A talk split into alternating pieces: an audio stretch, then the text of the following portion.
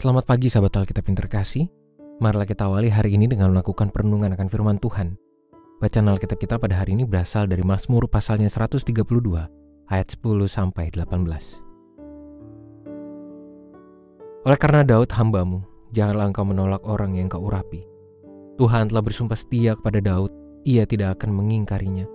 Seorang anak kandungmu akan kududukkan di atas tahtamu jika anak-anakmu berpegang pada perjanjianku dan pada peraturan-peraturanku yang kuajarkan kepada mereka, maka anak-anak mereka selama-lamanya akan duduk di atas tahtamu. Sebab Tuhan telah memilih Sion, menghendakinya menjadi persemayamannya.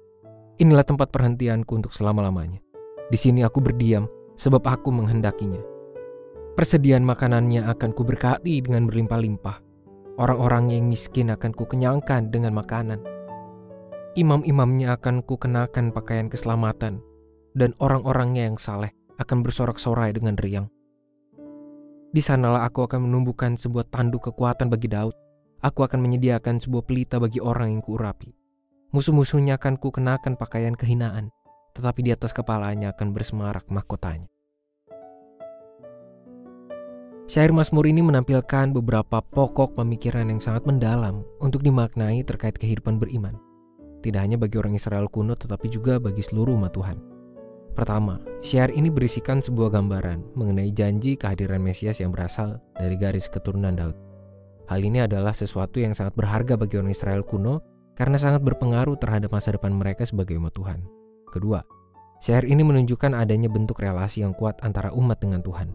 Janji kehadiran Mesias dari keluarga Daud sebagai bagian dari kekalnya hubungan antara Tuhan dengan umatnya tidak serta-merta membuat mereka dapat bersikap arogan kepada Tuhan. Mereka tidak dapat sekadar meminta tanpa disertai bentuk tanggung jawab iman kepada Tuhan. Apabila kita perhatikan dengan lebih seksama pada syair Mazmur ini, maka kita akan menemukan cukup banyak perkataan janji pemenuhan berkat dari Tuhan bagi umatnya. Semua itu pun tidak terlepas dari kekalnya janji dan relasi yang ia bangun dengan umatnya, termasuk perihal keturunan Daud yang memiliki pengaruh besar terhadap masa depan bangsa tersebut.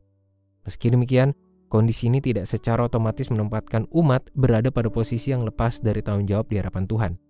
Janji pemenuhan berkat itu tetap perlu dikerjakan sebagai wujud keseriusan iman sebagai umat Tuhan itu sendiri. Sahabat Alkitab, sebagai umat Tuhan yang hidup dalam kuasa penyelamatan yang kekal, kita tentu percaya bahwa seluruh jalannya kehidupan, entah yang sudah terjadi, sedang berlangsung, maupun yang akan datang, selalu berada dalam perlindungan serta berkat Tuhan. Namun, permenungan terhadap syair Mazmur pada hari ini telah mengajak kita untuk menyadari bahwa seluruh berkat keselamatan yang telah Tuhan berikan tetap perlu kita respons dengan wujud iman yang bertanggung jawab sebagai keseriusan dan komitmen sebagai umat yang menerimanya. Artinya, tidaklah semestinya kita menjadi umat yang pasif, apalagi bermalas-malasan, namun terus menuntut Tuhan untuk bertindak sesuai dengan keinginan kita. Meski demikian, sikap iman seperti apa yang telah kita bentuk hingga saat ini? Marilah kita berdoa. Tuhan tolonglah kami untuk menjadi umat yang mampu merespons berkat anugerah keselamatan yang telah Tuhan berikan bagi kami yang sifatnya kekal itu.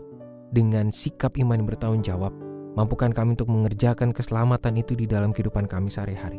Hanya di dalam nama Tuhan kami Yesus Kristus kami berdoa dan menyerahkan kehidupan kami. Amin